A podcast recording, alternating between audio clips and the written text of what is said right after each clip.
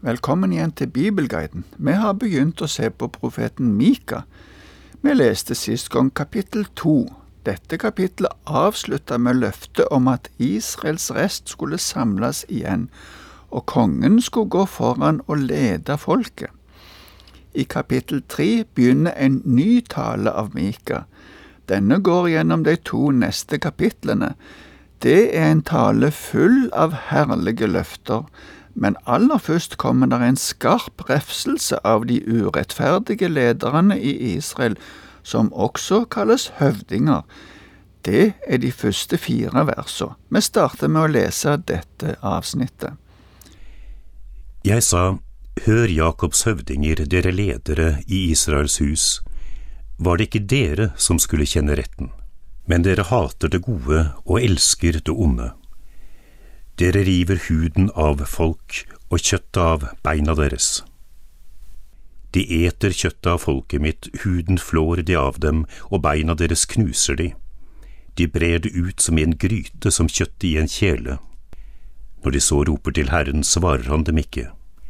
På den tid skal han skjule ansiktet for dem, for de har gjort onde gjerninger. Høvdingene var de som hadde makt og som skulle lede Israel etter Herrens ord. De burde vel kjenne retten? Det spør Mika de om. Når Mika her taler imot lederne i Israel, ser vi at han ikke tar hensyn til stand eller stilling, men sier det som er Herrens ord. En kan sikkert ikke vente rett ifra hedenske ledere langt borte, men ifra Israels ledere, som hadde hørt Herrens ord, og som hadde opplevd store ting med Herren i tidligere tider. Der forventes det at de følger Hans ord. Loven, som var grunnloven for Israel, var nøye med å peke på det som var rett. Det å forvrenge retten var strengt forbudt. Allikevel var det akkurat det lederne i Israel gjorde. Mika sier rett ut at de hater det gode og elsker det onde. Rettighetene til de fattige blir ikke verdsatt. Det blir rett ut sagt at de flår de. Denne flåinga blir beskrevet som om det var et dyr som ble flådd, og vi kan se på det som en beskrivelse av kannibalisme. Ytre sett var lederne med i gudsdyrkelsen og gjerne i ledende posisjoner, men Mika sier at den gudsdyrkelsen er forgjeves. Herren vil ikke svare på bønnene deres, siden de ikke lever etter Herrens ord. En omvendelse i siste liten vil heller ikke hjelpe. Det samme sier også profeten Jeremia i kapittel 11 vers 11. Mika går nå over til å omtale profetene, som viser seg å være falske profeter. Vi leser nå videre fra vers fem til åtte. Så sier Herren om de profetene som fører folket mitt vill, som roper fred bare de får noe å tygge på, men lyser hellig krig mot dem som ikke gir dem munnen full. Derfor skal det bli natt for dere, uten syn og mørke uten spådom, Solen skal gå ned for profetene, og dagen formørkes omkring dem. Da skal seerne bli til skamme og spåmennene til spott, alle skal de skjule skjegget, for det kommer ikke svar fra Gud. Jeg derimot er full av styrke ved Herrens ånd, av rett og kraft, så jeg kan tale til Jakob om hans lovbrudd, til Israel om hans synd. Bare de får noe å tygge på, sier Mika, kan profetene omtrent si hva som helst. De roper om fred, selv om det ikke er noen fred. Jeremia har lignende utsagn om prest og profet i kapittel seks. For alle sammen, små og store, skaffer seg urett vinning. Profet og prest, alle farer med svik. Lettvint helbreder de bruddet i folket mitt. De sier fred, fred, men det er ingen fred. De skal bli til skamme, for de har gjort avskyelige ting. Likevel skammer de seg ikke, vet ikke hva vanære er. Derfor skal de falle blant dem som er falt. Lignende uttalelser finner vi òg hos andre profeter, f.eks. hos Jesaja i kapittel 56 og Esekiel i kapittel 13. Jeg tror nok at det kanskje òg i vår tid er personer som har prestetjenesten eller andre stillinger i kristent arbeid kun for å få lønn. De er opptatt av å tale det som folk vil høre, uten at de har blitt overbevist om konkrete ting som Gud vil de skal legge fram.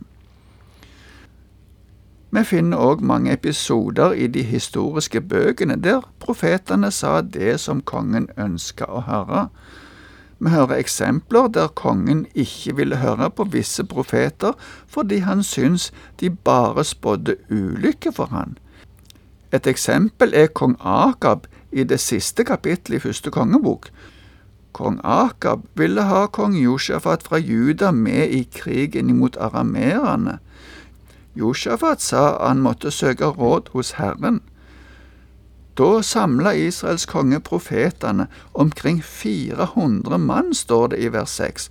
Han spurte de om han skulle dra i krig. Da svarte de, Dra opp, Herren vil gi byen i kongens hender. Men kong Josjafat var ikke overbevist og spurte om ikke det var andre profeter en kunne spørre.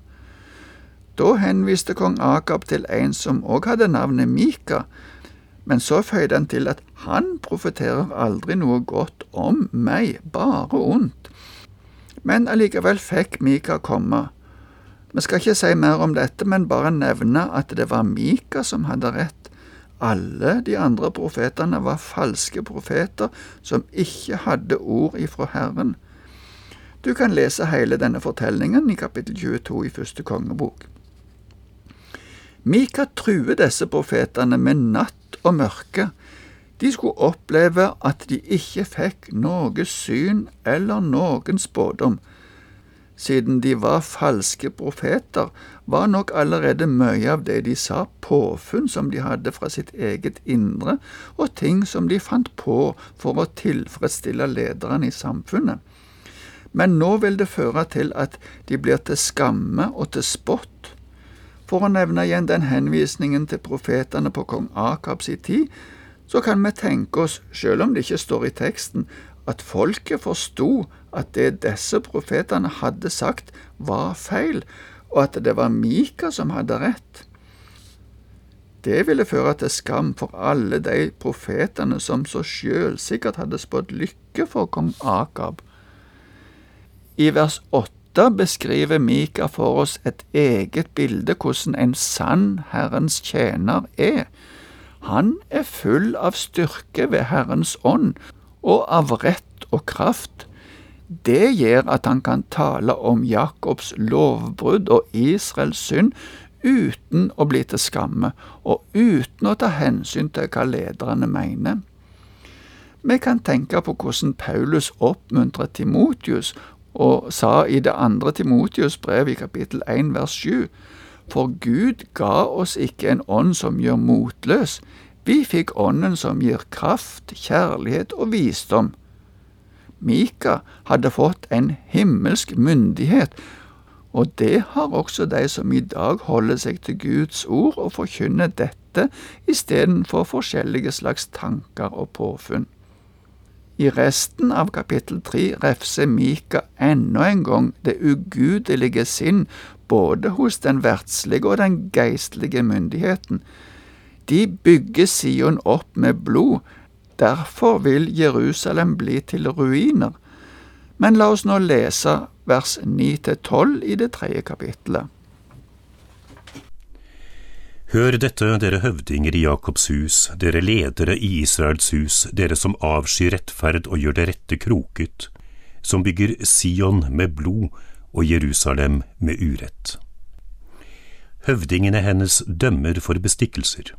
Prestene underviser for betaling, profetene spår for penger. Og enda støtter de seg til Herren og sier, Er ikke Herren midt iblant oss? Det hender ikke oss noe vondt. Derfor, Sion skal pløyes til åker, Jerusalem blir til ruiner, og tempelberget til hauger dekket av skog. Det er tre ting som Mika spesielt trekker fram i dette avsnittet. For det første er det en omtolkning av hva som er rett og galt. Det gjør de sikkert for å få mest mulig ut av de fattige i landet og øke sin rikdom. Det andre er at de tar imot bestikkelser. Hva som er rett og hva som er galt, blir avhengig av hvor mye de betaler til dommeren. Videre ser vi at de ikke er fornøyde med den lønna som de får. Prestene underviser for betaling. Etter Moseloven skulle folket gi tiende til prestene som en samla gruppe, og så skulle dette fordeles mellom de etter behov. Men her ser det ut til at den enkelte tar betaling for å gjøre den tjenesten som vi ønsker. Det siste momentet her er den falske gudsdyrkelsen. De viser til at Gud er iblant de, selv om de ikke følger Hans ord. Mon tru om ikke det er noe som skjer både her og der.